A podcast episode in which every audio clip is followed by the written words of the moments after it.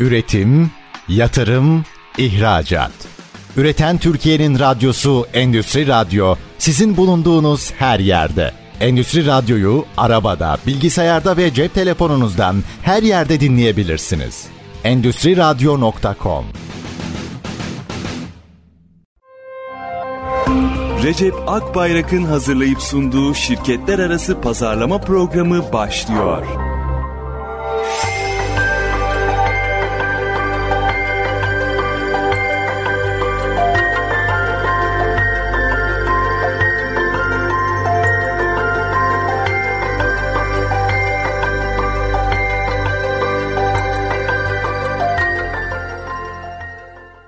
Şirketler pazarlamadan herkese merhaba. Gözde merhaba. Merhaba.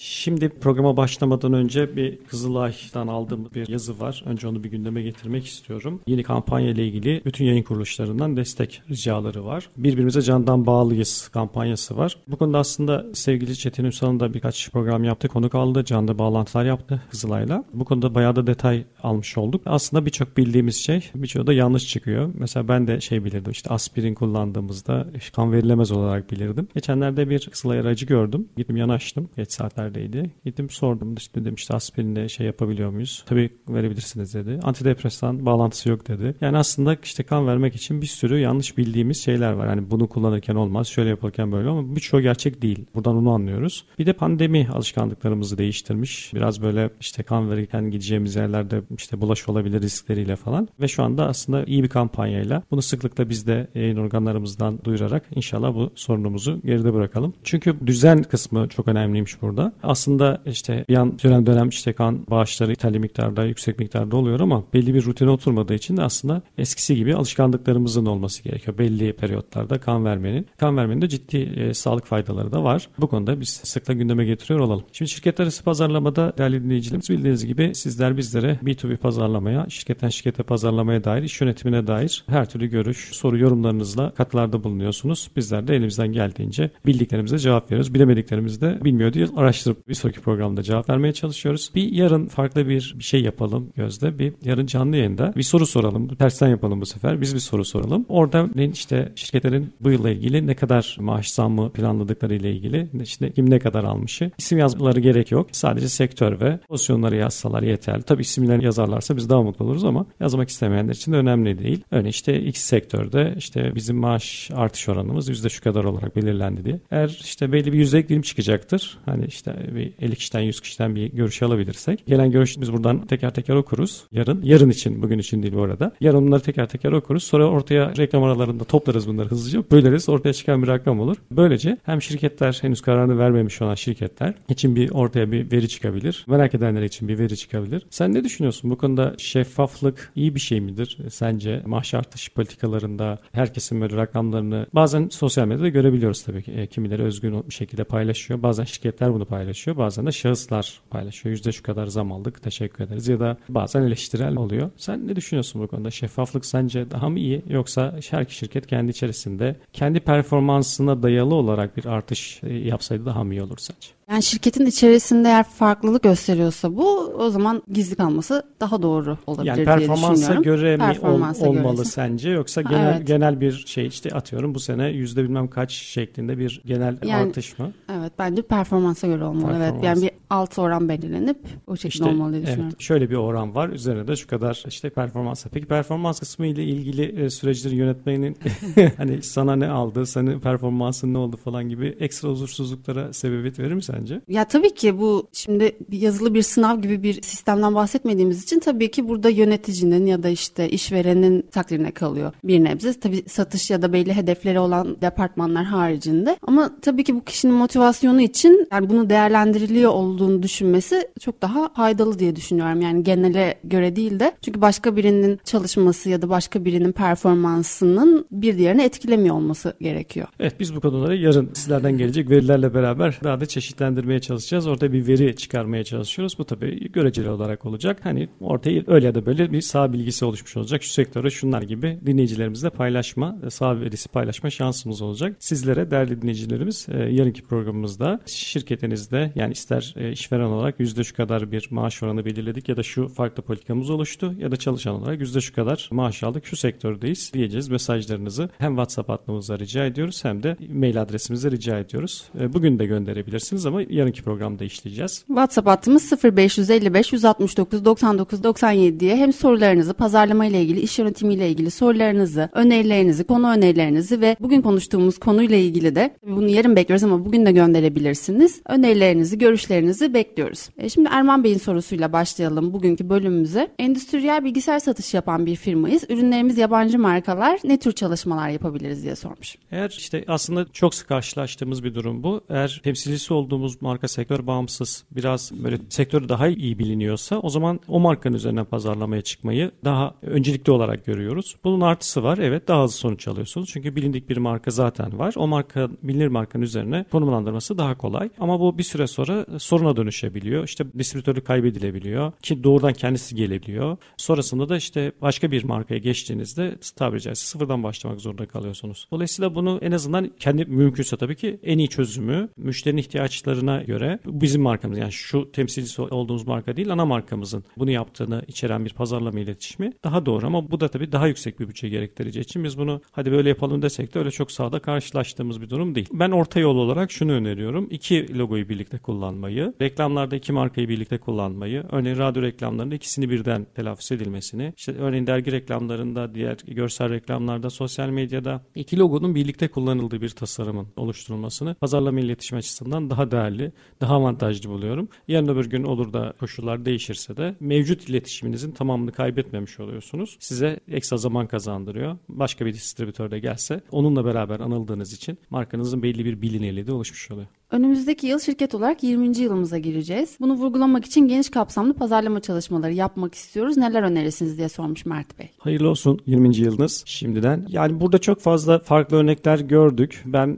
her şeyden önce bir işin böyle rekabet açısından birbiriyle yarışmaması gerektiğini düşünüyorum. Yani rakibim işte bilmem kaçıncı yılını şurada kutlamıştı. Şu şu etkinlikleri yaptı. Ben onun üstüne çıkmalıyım. Bunların çok karşılığı olduğunu düşünmüyorum. Bunlar söylemde etkili olduğunu biliyorum. Yani bunlar konuşuluyor. Saha bilgisi olarak var. Kabul VOM etkisi de var ama sonuçta şirketlerin en önemli değerleri sürdürülebilirlikleri. Hani nice şatafatlı yıllarını kutlamış ama bugün aramızda olmayan şirketleri de biliyorum. Yaşım itibariyle biliyorum. Onu da altını çizelim. Yani bu kadar önemsememek gerektiğini düşünüyorum. E, ama burada ne var? Paydaşlarımız var. Belli bir süre geride bıraktık. Çok ciddi manada yol yürüdüğümüz dostlarımız, müşterilerimiz oluştu, partnerlerimiz oluştu. Tüm bunlarla beraber bir şeyleri kutlamak, birlikte hareket etmek, bir şeyleri iade etmek önemli ve değerli. Dolayısıyla bunlar için bir etkinlik yapmak mutlaka faydası olur. Tartışmasız böyle ama ben hani mutlaka şatafattan kaçılması gerektiğini düşünüyorum. Neler yapılabilir? Mutlaka kendi içerisindeki küskünlükte oluşturmamak için örneğin bayiler üzerinden bir şey yapılıyorsa hani orada bayilerin sınıflandırılması işte bir kısmının dışarıda kalması falan böyle şeyler olmamalı. Onun dışında işte partnerlerimiz, temsilcisi olduğumuz markalar, müşterilerimiz, müşterilerimizde nasıl bir kimleri davet edeceğiz, kimleri etmeyeceğiz gibi kendi içerisinde başka zorlukları da var. Bu dengelere çok dikkat etmek gerektiğini düşünüyorum. Hikayenin çok çalıştığını biliyoruz burada. Bunu çok deneyimleme şansımız oldu. Örneğin şirketin hikayesini henüz o etkinlik başlamadan önce sosyal medyadan işte o 20. yılına bağdaştıracak olan bir işte kuruluş yani başlangıç, giriş, gelişme, sonuç gibi bir hikayeyi oluşturup o hikayenin finalini o 20. yıl etkinliğinde işte bir sunum yapacak şekliyle finalin oradan yapılması. Sonra da oradan olan çıktılarında sosyal medya başta olmak üzere basında da kullanılmasının önemli ve değerli olduğunu naçizane öneriyorum. Tabii sırf bunlar mı? Hayır. Yani bunlar gibi daha niceleri yapılabilir. Bu çerçevede gördüklerimizi biraz harmanladım gibi riskli bulduklarımı da biraz dışarıda bıraktım gibi özetleyebiliriz. Bir bütün olarak bakmak gerekiyor aslında. Sadece tek bir etkinliğe odaklanmamak gerekiyor. Yıl boyunca yapılacak çalışmaların etkinlikle taşlandırılması sanırım burada.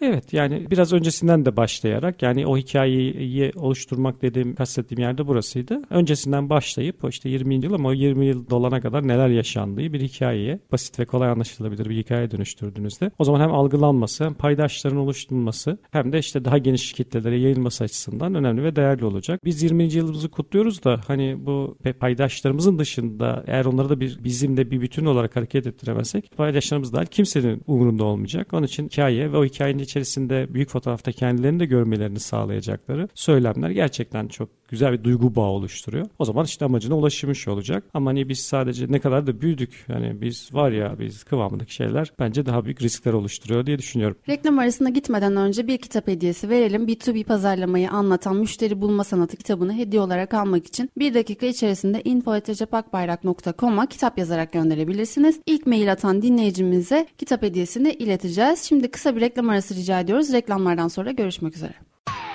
Üretim, yatırım, ihracat. Üreten Türkiye'nin radyosu Endüstri Radyo sizin bulunduğunuz her yerde. Endüstri Radyo'yu arabada, bilgisayarda ve cep telefonunuzdan her yerde dinleyebilirsiniz. Endüstri Radyo.com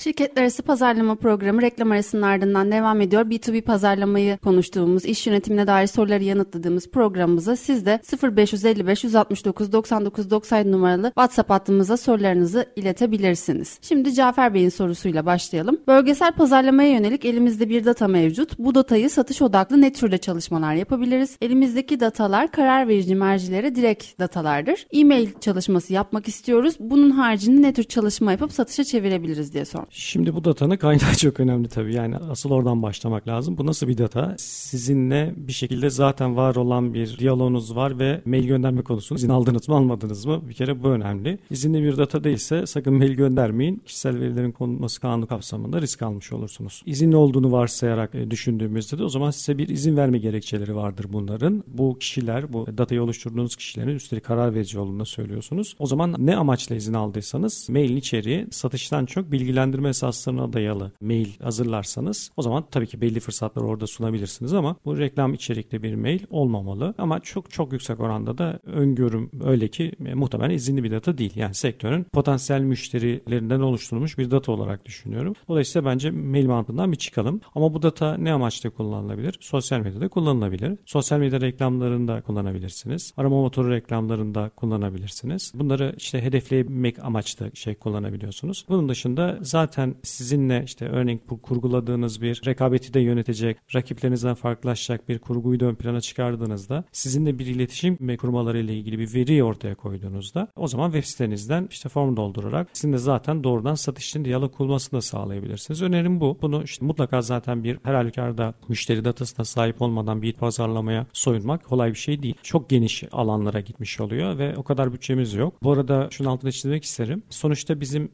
hedef kitlemiz de şirketler olsa da muhataplarımız şahıs. Şahısların her birini farklı farklı tüketim alışkanlıkları olsa da bugünün günümüzün pazarlama iletişim kanallarını düşündüğümüzde her kanaldan az ya da çok bu şahıslara doğrudan ulaşma imkanımız var. Ne bunlar? Televizyon onlardan bir tanesi. Ben izlemiyorum ki. Tamam sen izlemiyorsun ama diğer izliyor. Rakamlarını gösteriyor. Radyoların diğer bunlardan bir tanesi. Açık hava, sosyal medya, dergiler yani aklınıza gelebilecek her türlü iletişim kanalları potansiyel müşteriye ulaşmak için mutlaka önemli ve değerli. Burada sorun nerede? Birim erişim maliyeti maliyetinde. Örneğin siz spesifik bir ürün satıyorsunuz. Türkiye genelinde zaten hepi topu işte 50 tane fabrika sizin potansiyel müşteriniz. Televizyona çıksanız ne olur? Güzel olur. Prestijli olur. Rekabeti yönetmiş olursunuz. O 50 firma özelinde de ve yarın şirketinizle tanınırlığıyla gidebileceğiniz başka alanlarda da büyük katma değeri olur ama hani karşında ne satacaksınız da öyle bir reklam bütçesini karşılayabileceksiniz. Dolayısıyla birim erişim maliyeti bunun için kurtarmıyor. Bunları bu şekilde hesapladığınız aşağı doğru indikçe indikçe daha nokta atışı diye tabir edeceğimiz ki genel sorunun kendisi nokta nokta atışından da öte doğrudan satış için e, nasıl kullanabileceğimizi soruyor değerli dinleyicimiz. Toparlarsak eğer ağırlıklı olarak sizinle bir gerekçe olarak sizinle doğrudan iletişim kuracak bir stratejiyle pazarlama iletişim kanallarında kullanabilirsiniz bu datayı. Firmaların kurumsallaşma yolunda yaptığı en büyük hatalar neler? Neden çoğu firma bu yolda başarısız oluyor diye sormuş Levent Bey. Harika. Muhtemelen meslektaşımız pazarlamanın önemli sorunlarından bir tanesi bu. B2B'de en temel benim gördüğüm sorun yeterli bir bilinirliği oluşmadan doğrudan konumlanmaya soyun oynuyor oluşumuz ve konumlandırmanın da çok çok önemli bir kısmını altını dolduracak kadar bir pazarlama iletişiminde bu faaliyetlerinde bulunamıyoruz. Bunu dönem dönem B2C'de de gördük. Mesela yine televizyon reklamlarından örnek olsun diye söyleyeceğim. Bir B2C marka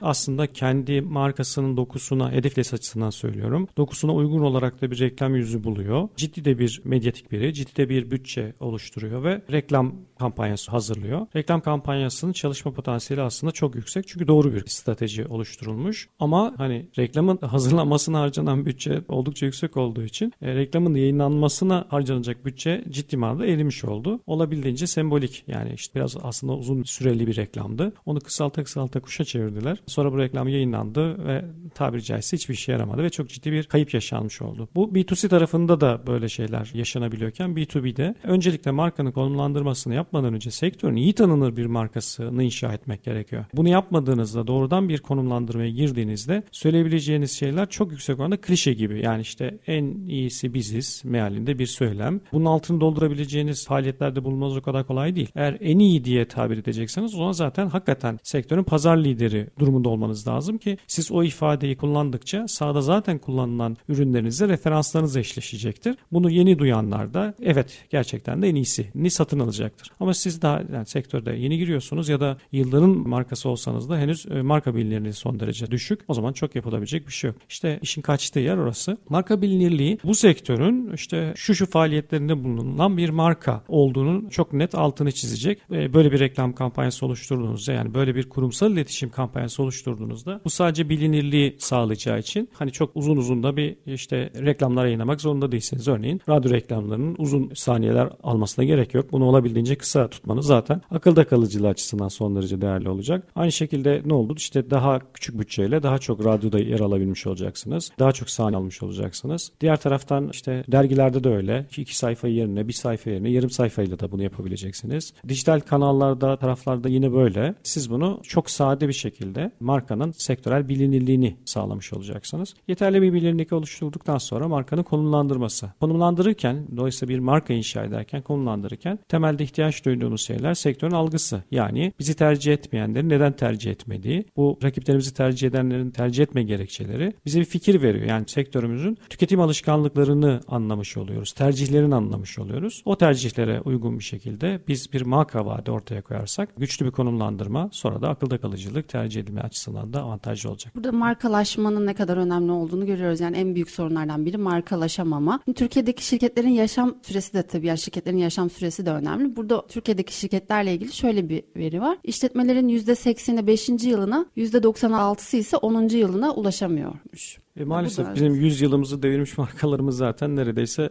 parmağın ucuyla sayılacak seviyede. E, yani tabii marka iletişimi bu alanda bu işe gösterilen özen yani böyle bakınca insan gerçekten içi acıyor. E, dünyada ne kadar işte bilindik markalar var dönüp işte dünyada bilinirliğini bir kenara bırakarak dönüyoruz bakıyoruz. Yurt içinde bizim işte çoğunlukla hayatımızın içinde olan B2B tarafta da yine çok yoğun bir şekilde kullanılan markaların arkasından ne tip marka iletişim yatırımları yapılmış. E, yer yer işte bunlarla aynı masalarda oturup konuştuğumuzda insanlar öyle işte daha kaliteli ürüne sahip olduğu konusunda ısrarcı, iddialı ve tüm bunları yaparken dönüp işte kullanıcılarından aldığınız bilgiler yine bunu destekliyor. Üründe bir problem yok. Ama onun kadar karlı satamıyorsunuz. Onun kadar bilindik değilsiniz. Çünkü onun kadar markanıza yatırım yapma konusunda iştahlı değilsiniz. Nedenini bilemiyorum. Türk kültürüne çok örtüşmedi bu iş. Yani pazarlamaya yani bir hayale, bir umuda bütçe ayırmak bize iyi gelmedi. Başka toplumlar için bunu söylemek zor ama Türkiye'de bu çok olmadı ne yazık ki. Değişir mi? Değişiyor ama bebek adımlarla. Sevgi Hanım'ın sorusuyla devam edelim. Müşteri sadakatini güçlendirmek için neler yapabiliriz? Etkinlikler, promosyonlar etkili oluyor mu? Kısmen evet. En etkilisi deneyim. Yani bir deneyim yaşatabilirseniz ve o deneyimde de samimiyeti merkeze alırsanız bu en değerli yatırım oluyor. Şunu kastediyorum. Bir deneyim yaşattınız potansiyel müşteriye. Bazen artık günümüzde var. İşte ücretsiz kullanım sürümü var. Bazı yazılımlarda bu olabiliyor. Bazen işte belli bir süre kullanma, memnun kalmazsa iade gibi böyle şahane çözümler de var. Bu arada her ürün için her hizmet için yapılabilecek şey değil ama kullanıcı deneyimi sadece işte önden vereceğiniz pazarlama diliyle havuçla da sınırlı değil. Kullanıcı deneyimi bir şekilde ikna olmuş, sizinden bir hizmet almış, ürün almış. Orada işte kısmen memnun olmuş ama dünkü programda da hatırlıyorum uzun uzun üzerinde bir soru çerçevesinde durma fırsatımız olmuştu. Arkasından siz eğer dönüp o yaşadığı deneyimle ilgili bir temas sağlarsanız bunun da ilk temasını da satıcıyla yaparsınız. Evet bu son derece empati yaptığımızda son derece çalışan bir şey. Bir numaraya bunu koyalım. Bununla beraber işte zaten çalıştık. E, işte bunu insanlar da bizden memnun. Şirketler bizde çalışmaya devam ediyorlar ama bunu bir sadık müşteri haline dönüştürme. Ya burası artık eskisi kadar hani çok güçlü bir alan değil. Çünkü burada insanlar çok fazla fiyat baskısı yedikleri için mevcut maliyetlerini düşürebilme adına her zaman için fiyat odaklı olabiliyorlar. E, burada tabii müşteri ilişkileri e, yönetimi yani pazarlama iletişiminden artık müşteri ilişkileri yönetim aşamasında da işi sıkı tutmak gerekiyor. Ama biz çoğunlukla sahada ne görüyoruz? Tam tersini görüyoruz. Yani pazarlama iletişimi neredeyse hiç yok. Sadece bütün işler müşteri ilişkileri yönetimi açısından. Yani buldum potansiyel müşteriyi, şahısı buldum, iletişim kurdum, görüştük, tanıştık, çok iyi arkadaş olduk. Şimdi bizden alacak. İyi de o masadan kalkınca diğer rakibinde de arkadaş oluyor. Yani ilişkiyi böyle yürütmek çok kolay değil. E, bunun üzerine de bir sadakat oluşturmak çok kolay değil. O sadakati yapabileceğimiz en ideali hep birlikte bir paydaş haline dönüşüp faydayı merkezde tutarak her zaman faydayı merkezde tutarak müşterilerimizden daha aktif olup sahada gözükerek belli bir sadakat oluşturmak mümkün. Kısa bir reklam arasına gideceğiz ama reklam arasına gitmeden önce bir kitap hediyesi daha verelim. B2B pazarlamayı anlatan müşteri bulma sanatı kitabını hediye olarak almak için bir dakika içerisinde info.cepakbayrak.com'a kitap yazarak gönderebilirsiniz. İlk mail atan dinleyicimize kitap hediyesini ileteceğiz. Şimdi reklam arasına gidiyoruz. Reklamlardan sonra görüşmek üzere. Üretim, yatırım, ihracat. Üreten Türkiye'nin radyosu Endüstri Radyo sizin bulunduğunuz her yerde. Endüstri Radyo'yu arabada, bilgisayarda ve cep telefonunuzdan her yerde dinleyebilirsiniz. Endüstri Radyo.com Şirketler arası pazarlama programı devam ediyor. B2B pazarlama ile ilgili sorularınızı 0555 169 99 97 numaralı WhatsApp hattımıza iletebilirsiniz sizler de. Umut Bey sormuş. İçerik hazırlama konusunda tavsiyelerde bulunabilir misiniz? Nasıl daha fazla okunur hale getirebiliriz? B2B içerikler oluşturmada bir kere temel amacımız kabul etmek lazım ki potansiyel müşterilerimizi etkilemek ve bizi tercih etmelerini istiyoruz. Yoksa bir, bir içerik üreterek, şirketimizin içerik üreterek o içeriği satacak da para kazanacak halde değiliz. Yani yayıncı değiliz. Bu anlamda içerik üretirken ne ihtiyacımız var o zaman? Kullanıcıyı doğru bilgilendirme esaslarına dayalı bir içerik zincirine ihtiyacımız var. Yani birbirini tamamlayan, e, mutlaka bir faydaya odaklanan ama bir stratejisi belli bir stratejisi olan. Önce neler yanlışa baktığımızda bir popüler konulara kaymayı görüyoruz. Burada hani işte çok kişi okusun ama bize ne faydası var? Diğer tarafta sağda daha sık gördüğümüz şey ise doğrudan markasını böyle yere göğe sığdıramayan içerikler. Bunu da kim okusun? Velev ki okudu niye bunu dönüp de bunu kabul etsin de satın alsın? Yani sadece böyle bir içeriği okumuş olmak için hani gerçekten de en iyisi buymuşu içerikle anlatmanız hiç kolay bir şey değil. E, böyle bir iddianızı da desteklemeniz, altını doldurmanız yani hiç mümkün bir şey değil. Bunu biraz aslında bizim deneyim deneyimlerimizden de şeyde görüyoruz. Hani bizler içerikleri bir yayın şirketi olarak bizler içerikleri oluşturduğumuzda bile bunu genel basına servis ettiğimizde bu konuda bülten servis eden ajansların bir çabası var değil mi Gözde? Önce bir orada olabildiğince markayı daha da fazla gizleme çabaları oluyor onların. Çünkü neden? Daha fazla okunmasını istiyor. O dengeyi iyi yakalamak lazım. Hani tamam çok fazla okundu ama benim markama bir faydası olmadı. Dolayısıyla yaptığım çaba yerini bulmamış oldu. E diğer taraftan evet başta spota tamamen markamızı evire çevire anlattık. O zaman da okunması çok düşük oldu ve hiçbir işe yaramadı. Bu dengeyi çok iyi kurmak lazım. Bu alanda aslında benden daha fazla deneyimin var. Şimdi e, istersen görüşlerini bir paylaş. Biraz da açalım konuyu. Önemli. Evet burada denge sağlamak gerçekten çok önemli. Çok fazla reklam içeren yani reklam kokan dediğimiz bültenler tabii ki tercih edilmiyor. Ne yayıncı tarafından tercih ediliyor ne de okuyucu tarafından tercih ediliyor. Yani sürekli aynı şeyin tekrar ettiği firmanın ne kadar büyük ya da önemli bir atılımda bulunduğu ya da ürünün ne kadar iyi olduğu ile ilgili sadece reklam içeren yani bunu ilanlarınızda yapabilirsiniz ya da işte dijital reklamlarınızda, radyo reklamlarınızda yapabilirsiniz ama tabii ki içerik olunca yani bir aslında beklenti burada bir haber okumak olduğunda burada bir bilgi almak gerekiyor. Yani okuyucunun bilgilenmesi gerekiyor. Kendine bir şey katıyor olması gerekiyor o içeriği okuduğunda ve tamamını okusun. işte 2 dakikalık, 1 dakikalık ne kadar sürüyorsa eğer o içeriğin tamamını okuyarak kendine bir şey katmak istiyor tabii ki. Ama tabii hiç de bir markadan eğer bahsetmiyorsak burada e, çok fazla dışında kalıyorsa bu da pazarlama faaliyetinin amacının dışına çıktığını gösteriyor. Bu da sadece bilgilendirici bir içerik oluyor. Bir diğer sahalardan biri de çok fazla teknik içerikler oluşturulması. Tabii bunların da farklı yerleri var. Yani makale tarzında olan içerikleri evet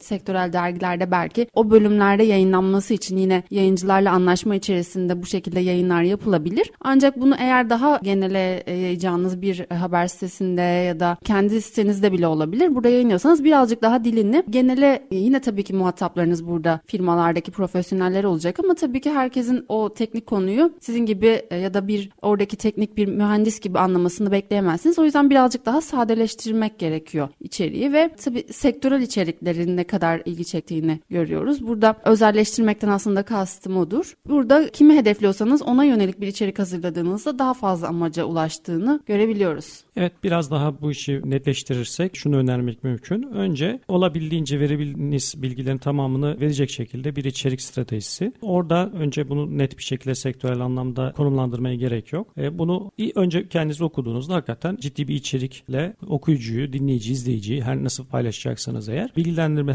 esaslarına dayalı bir e, içerik olduğuna emin olduktan sonra sonra bunun farklı versiyonlarını hazırlamakta biz son derece iyi sonuçlar alıyoruz. Çünkü şöyle bir yapısı var. Şimdi siz bir B2B marka olarak bir içerik oluşturduğunuzda bunun beklentiniz ne? Olabildiğince doğru ve olabildiğince çok yerde yayınlanmasını sağlamak. Karşıdaki editör arkadaşların ise yani sizin yazmış olduğunuz her şeyi en ince ayrıntısına kadar inceleyecek. Sonuçta bu bir basın bülteni. inceleyecek ve kendi mecrasına uygun hale getirecek bir vakti çoğunlukla olmuyor. Bunu da tercih etmiyor. O zaman bizim işte servis ederken dikkat etmemiz gereken yer neresi? Olabildiğince spesifik hale getirmek. Yani önce hazırlamış olduğunuz o geniş içeriği sonra sektörel anlamda spesifik hale getirmek. İyi ama bizim işte bu ürünümüz hemen her sektörde kullanılıyor. Olsun ama o sektörü algılatmak için o sektörde daha çok ya daha yaygın ve daha işte fayda üretiyor anlatan bir içerik pazarlama stratejisi daha çok çalışıyor. Son olarak bir de mecrayı iyi planlayarak örneğin dijital kanallara gönderecekseniz onu olabildiğince daha kısa daha hap bilgiler içeren bir yer olmalı. İşte basılı mecralarda örneğin günlük gazetelerinde yayınlamasını istiyorsanız daha uzun formatta bir içerik olmalı. Gamze Hanım sormuş Ankara'dan bir dinleyicimiz. B2B firmalarda sosyal medya kullanımı konusunda tüyolar verebilir misiniz? Sosyal medyada aslında en değerli yer bizim takipçilerimiz. Yani şimdi takipçileri nasıl oluşturduğumuz kısmı bence en başlangıç noktası. Orada biraz hata yaptığımız yani en büyük B2B markaların zafiyetinin orada oluştuğunu düşünüyorum. Çok fazla popülerliğe kaçıp orada bir an önce hızlı büyüyüp olabildiğince çok takipçimizin olmasını istiyoruz. Ama bu takipçiler işin algoritmasını bozuyor. Yani şunu kastediyorum. Şimdi sosyal medyanın işte yatırımcıları, o çok devasa bütçeyi yönetenler hani öncelikli olarak kullanıcıya odaklar sürekli kullanılsın ve kullanılırken de belli bir ortaya değer çıksın. O değeri nasıl ticarete çevirecekler? İşte reklam verenlerle eğer üyelik yapısı varsa ücretli üyeliklerle. Şimdi bütün bunlara e, dönüp baktığımızda bu algoritma şunu söylüyor. Yeni bir kullanıcı bir yere geldiğinde takipçisinin dışında işte etiketlerden işte gösteriyor ve onları sunuyor. Bir de daha önceki takip ettiği yerlere göre öneriyor. Bunu da takip edebilirsiniz. Bu içerikle ilginizi çekebilir gibi. Şimdi tüm bunlara dönüp baktığınızda siz eğer kendi çizginizin çok dışına çık çıkarsanız olabildiğince geniş bir skalada yani potansiyel müşterinizden çok uzak, sektörünüzden çok uzak, hedef kitlenizden son derece uzak bir yere doğru yelken açmış oluyorsunuz. Büyüyor mu? Büyüyor. Da kime faydası var? Sosyal medyanın platformunun sahiplerine faydası var. Size faydası çok az. İşte buranın mutlaka çok kontrollü olması gerektiğini ben bir numaraya koyuyorum. Bu bize şunu da sağlıyor. Bir adım sonra eğer kitleniz ciddi manada doğru olduysa o zaman eliniz artık çok güçlü. Yani orada işte reklam verirken de çok rahatlıkla algoritmalara en en uygun olacak bir yapıda. İşte ey sevgili X Medya, bu arada adını değiştirdiği için e, eskiden marka söylememek için oradan yırtıyorduk. Şimdi Gözde buradan da yırtamaz hale geldi. Gene başka bir şey bulmak lazım. Orada bak benim bu takipçilerime bu takipçilerim gibi daha fazlasına göster dediğiniz şey algoritmada bir numara. Onun dışında tabii ki siz hedefleyebiliyorsunuz. Hani işte bunu da seç, buna da ver, buna da göster ama bu sizin sosyal medyada ikisiyle karşılaştırdığınızda istediğiniz kadar sonucu alabileceğiniz alan olmuyor. Şey geçtik. Hakikaten e, iyi bir kitle toplanıyor. İyi kitlenin toplanmasının da gene bir numaralı nedeni sizin reklamı olabildiğince gizleyip Yani reklam gibi değil de takipçilerinizi bilgilendirme esaslarına dayalı. Yani işinizle ilgili, sektörünüzle ilgili takipçilerinizi bilgilendirme esaslarına dayalı bir çizgide içerikler paylaşırsanız bir de bunu sadece işte özel günlerde gibi değil de belli bir düzende, belli bir rutinde yaparsanız bu da bir tür markalar için avantajlı süreçlerden bir tanesi. Bir de her platformun kendine özgü yoğun kullanım zamanları var. O yoğun kullanım zamanlarına dikkat etmek lazım. Orada da özellikle kendi kitleniz reaksiyona hızlı geçmesi lazım. Bir paylaşım yapıldığında sosyal medyada. Örneğin ilk 20 dakika önemlidir. Yaklaşık rakamlar vereyim. %1 gibi bir kuralı vardı sosyal medya platformunun gösterimde. Dikkat ederseniz şöyle bir şey görmek neredeyse bir ortalamadır. 100 kişiye gösterdim. Bir kişi etkileşime girdiyse o etkileşim sadece şeyle sınırlı değil. Beğeniyle sınırlı değil. İşte şey açtıysa yazın diye tamamını açtıysa okuduysa hiçbir şey yapmadı ama işte 4 saniyeden fazla ekranda tuttuysa gibi kendi içerisinde farklı algoritmalarla size daha fazla gösterime itecektir. İlk 20 dakikada hani bunu o zaman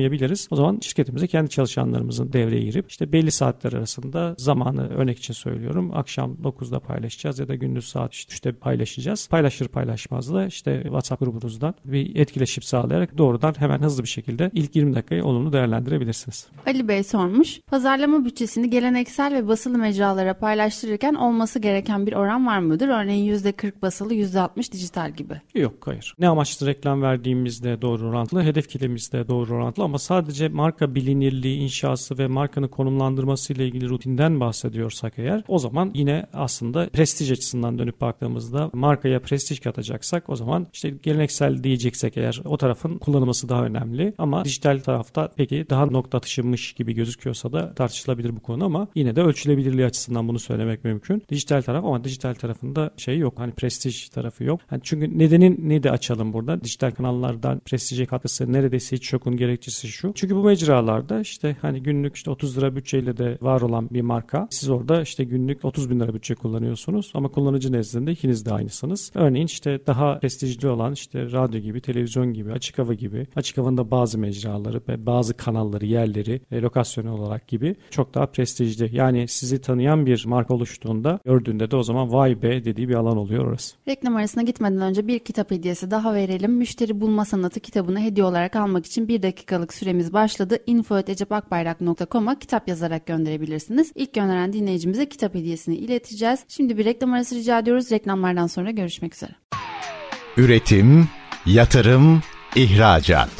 Üreten Türkiye'nin radyosu Endüstri Radyo sizin bulunduğunuz her yerde. Endüstri Radyo'yu arabada, bilgisayarda ve cep telefonunuzdan her yerde dinleyebilirsiniz.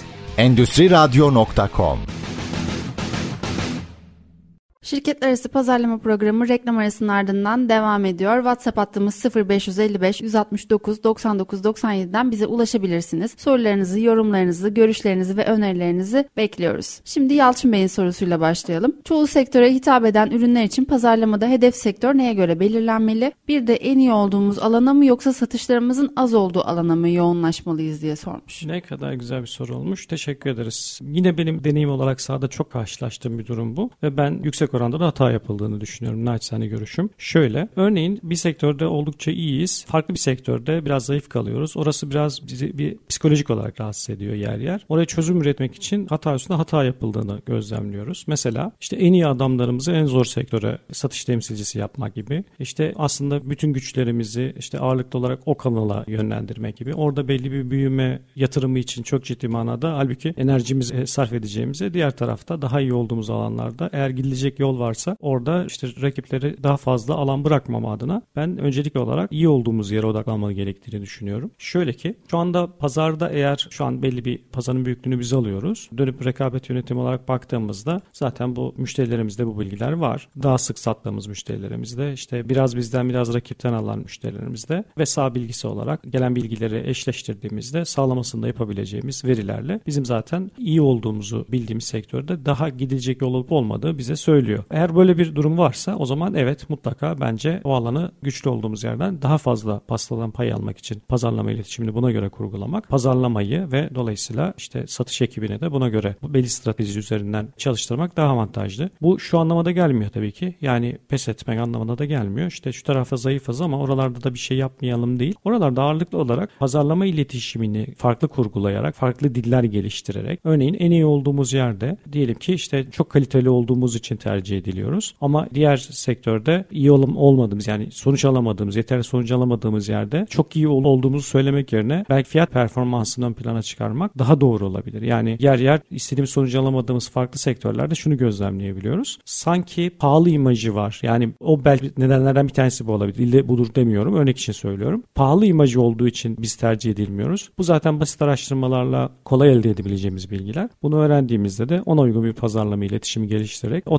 teması ona göre sağlayabiliriz. Toparlarsak en iyi olduğumuz yerde gidecek yol varsa çok daha fazla gidelim. Yeni yeni büyüyeceğimiz yerlerde daha çok pazarlama iletişimini kurgulayarak, merkeze alarak onlara rekabeti yönetecek bir markamıza dikkat çekecek bir stratejiyle ilerleyelim. Ticari konferans gibi sponsorluklar için neler önerirsiniz? Bu çalışmaları faydalı buluyor musunuz diye sormuş Taner Bey aslında dikkat edilmesi gereken bir yer. Yani çok da kolay ölçüdür o. Konferanslarda işte kimler geliyor, önceki senesi var mı, yeni mi, yeni ise kimler gelecek gibi o veriler bize karar vermemiz için son derece kolay olacak o verilere sahip olmak. Ama orada tabii birim erişim maliyeti de devreye giriyor. İşte bir konferansın sponsor olacaksanız orada işte logonuz, sloganınız, marka konumlandırmanız orada kaç kişiye gözükecek? Gözükecek kişiler sizin doğrudan ne kadar ilgili ve siz buna ne kadar para harcıyorsunuz? Sonu dönüp baktığınızda onu çok kolay karar verebilirsiniz. Sektör sektör uygulama örneklerinizi çok faydalı buluyorum. Bu tarz bilgilendirmelere de devam ederseniz çok memnun oluruz diye yazmış Gökhan Bey Bursa'dan bir dinleyicimiz. Kendi sektörünüzü de yazarsanız o özelde anlatalım. Çünkü sektör bile bir der ya. Biz tabii sektörel olarak e, şey anlatmayı şöyle çok önemsiyoruz. Çünkü biz her sektörde iyi olduğumuzu ve birçok sektörde kullanılan ürünlerimizi ve hizmetlerimizi kullanıyor oluşunu pazarlama iletişiminin merkezine aldığımızda ancak yatırımcının dikkatini çekebiliriz. Yani vay be iyi bir şirketmiş. Ne bileyim işte borsaya açılacaksak belki orada avantajlı olabilir. Ama hiçbir şekilde örneğin otomotiv sektöründeki başarımız işte bir benzer ürün ve hizmetlerse bunlar bir gıda sektöründeki davetimizle eşleşmiyor.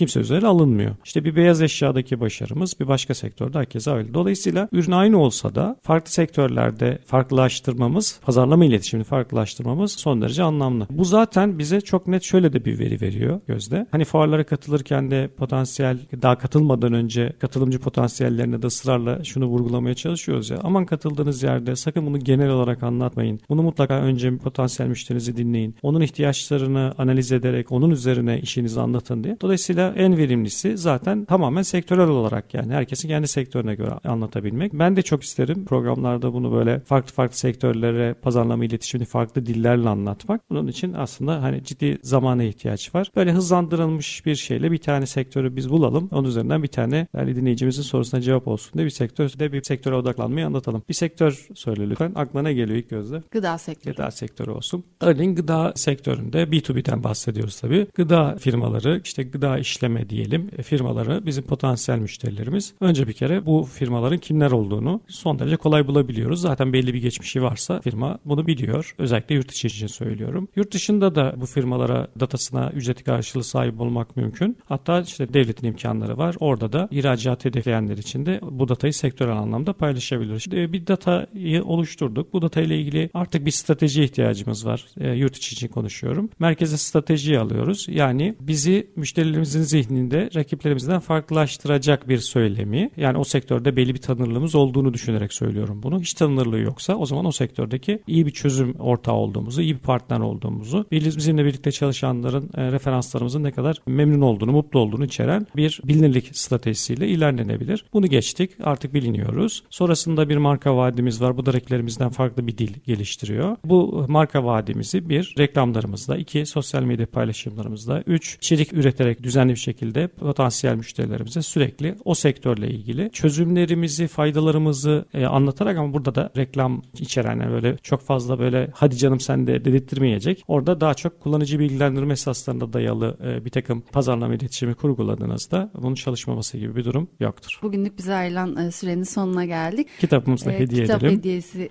kapatmadan önce son kitap hediyemizi de verelim. B2B pazarlamayı anlatan Müşteri Bulma Sanatı kitabını hediye olarak almak için bir dakika içerisinde info info.recepakbayrak.com'a kitap yazarak gönderebilirsiniz. İlk gönderen dinleyicimize kitap hediyesini ileteceğiz. Bugünlük bize ayrılan sürenin sonuna geldik. Yarın tekrardan görüşmek dileğiyle. Hoşçakalın. Ben yarınki konumuzu hatırlatarak kapatmak istiyorum. Yarın sorularınızı yine tabii cevaplayacağız. Birikmiş henüz bugün de bitiremediğimiz sorularımız var. Hızlı hızlı onları da yanıtlayacağız ama yarın biz size bir soru sormak istiyoruz. Şirketinizde maaş zam oranınız belirlendi mi? Belirlendiyse kaç? Belirlenmediyse henüz ne aşamadasınız? WhatsApp hattımız lütfen internet sitemizden, radyonun internet sitesinden bize kolayca ulaşabileceğiniz bilgileri alabilirsiniz. Mail atmak isterseniz de 24 saat info.recepakbarak.com'da bekliyor olacağız. Görüşmek dileğiyle. Hoşçakalın.